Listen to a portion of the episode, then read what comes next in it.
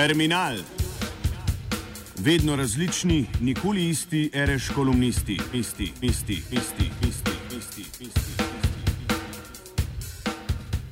Na začetku drugega poglavja dan danes že klasične knjige Dvanajsterica, ki je vladala, vztrajno se je ponatiskovala kar okoli pol stoletja, je Robert Roswell Palmer Francijo v petem poletju največje med njenimi številnimi revolucijami, slikovito upodobil kot v različnih časih predelovano staro hišo, katere stanovalci so se odločili, da jo bodo renovirali.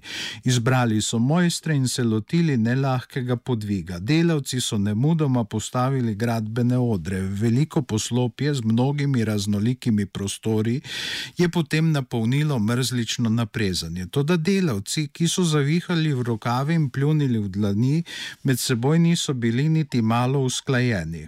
Eni so se posvetili ojačevanju tramov ter z entuzijazmom in oburnem pritrjevanju mnogih stanovalcev podirali stare dimnike in kamine, zato pa so drugi prisegali na nov les, opeko in malto. V marsikaterem predelu stavbe so se posamezniki posvetili le obnovi lastnih kotov in sten, nekateri pa niso počeli nič konstruktivnega. Delovodje so če dalje bolj živčno brskali po načrtih in ugotavljali, da jim gradbeni mojstri sploh ne sledijo. Zato ni čudno, da so se vneli prepiri o tem, kaj da je treba storiti. Razburjeni glasovi so postajali če dalje ostrejši, značilni pa so se ljudje, kot ponavadi, videli problematičnost le v početju drugih. Zato so začeli sosedom izdajati navodila o tem, kako da bi bilo treba kaj storiti. Mojstri in delavci so si potem polili orodje iz rok. Sčasoma so večjo skrb kot renoviranje stanovanju hiše začeli posvečati diskusijam o tem, kdo pospešuje in kdo zavira napore za ureditev spodobnega bivališča. Če dalje glasneje so si učitelji vse mogoče, za svoje tovariše pri velikem podvigu so bili iz dneva v dan trdneje prepričani, da zgolj iščejo težave in poslušajo tiste, ki stvari zapletajo. Ali celo, da sabotirajo sleherni konstruktivni napor. Kmalo so se spričkali tudi delovodje, ter se na zadnje na smrt sprli. Razvneti stanovalci in graditelji pa niso bili sami. V bližini je na nje prežala skupina oborožencev, pri čemer nikomor ni bilo jasno, ali gre za gangsterske razbojnike ali za policaje. Enkrat so usiljivce že odgnali z dvorišča. Očitno je namreč bilo, da bi prišleki kar najresolutneje poskusili ustaviti dela na stavbi ter po svoji volji in meri uredili razmerja med njenimi stanovalci. Če se odpravimo po poteh zelo nazorne Palmerjeve imaginacije, moramo ugotoviti in ugibati, ali oboroženci prebivalcev hiše, ki se je zaradi začetka del znašla v precej provizoričnem stanju, ne mara ne bi hoteli napraviti celo za postnajemnike v lastnem domu, saj bi se zgradbo zagotovo ne ukvarjali kot dobri gospodarji, temveč le kot začasni upravitelji. Ljudje, ki hodijo po svetu ozaljšani z morilskimi pripravami, se pač ne mažejo rok z malto in beležem.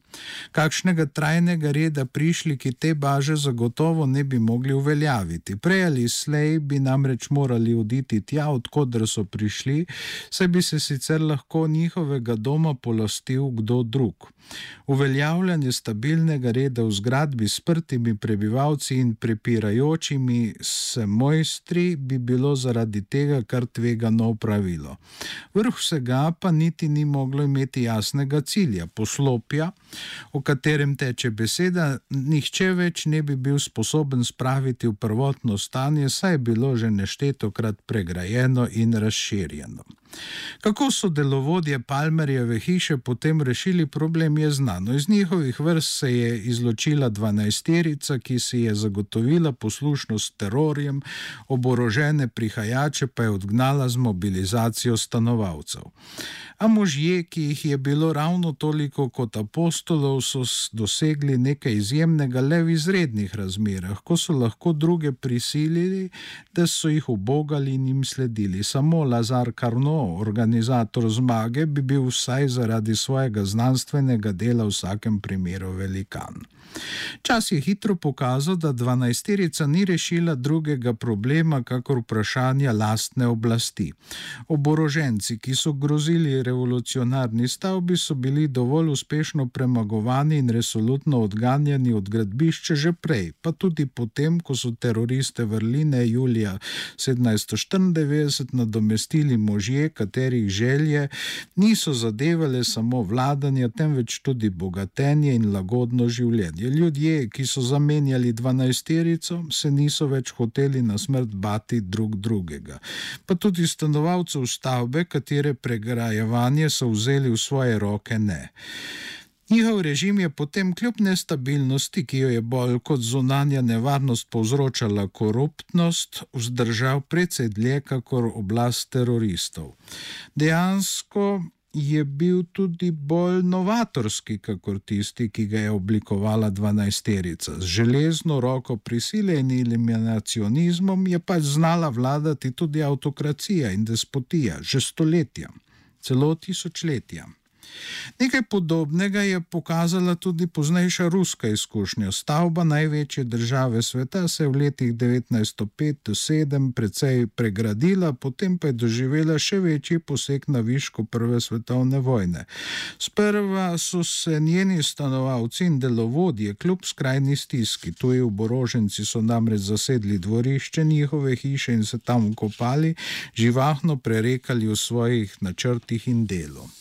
Čez čas so jih zamenjali jekleni ljudje, ki so poskrbeli za to, da so se jih vsi bali, pristaše rdečega prapora socialističnih revolucionarjev, ki so si vrh vsega na volitvah pridobili jasno večinsko podporo stanovalcev neznansko razsežne ruske zgradbe, so zamenjali zagovorniki zastave iste barve s srpom in kladevom. Tudi ti so, kakor nekoč dvanajsterica v Franciji, posegli po terorju. Najprej so nekateri od njih imeli nekaj psiholoških problemov z njegovo uporabo. Celo njihov delovodja, ki se je na mesto za prenovo stavbe odločil za tvegano nadomestno gradnjo brez natančnejših statičnih izračunov, je imel leta 1921 težave z razširitvijo svojih načrtov na dotedanjo gruzijsko depantanso. Njej so namreč imeli prvo besedo mojstri malce drugačne stavbinske šole kot mogočni sosed v osredju.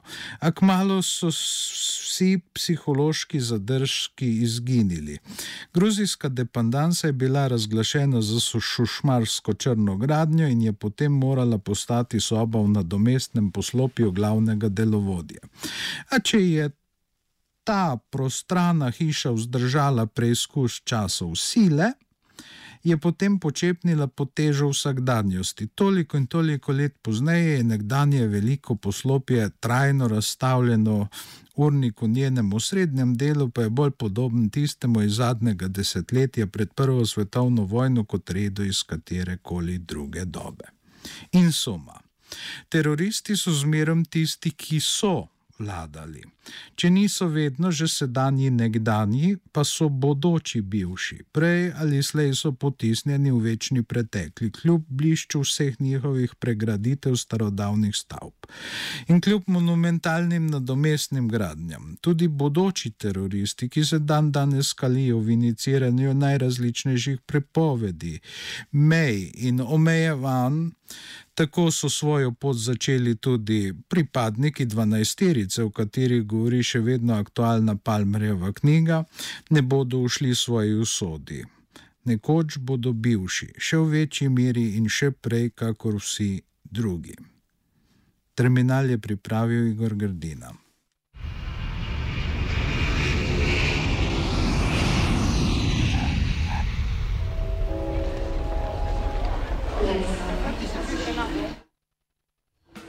Terminal. Vedno različni, nikoli isti, reš kolumnisti, isti, isti, isti, isti, isti. isti.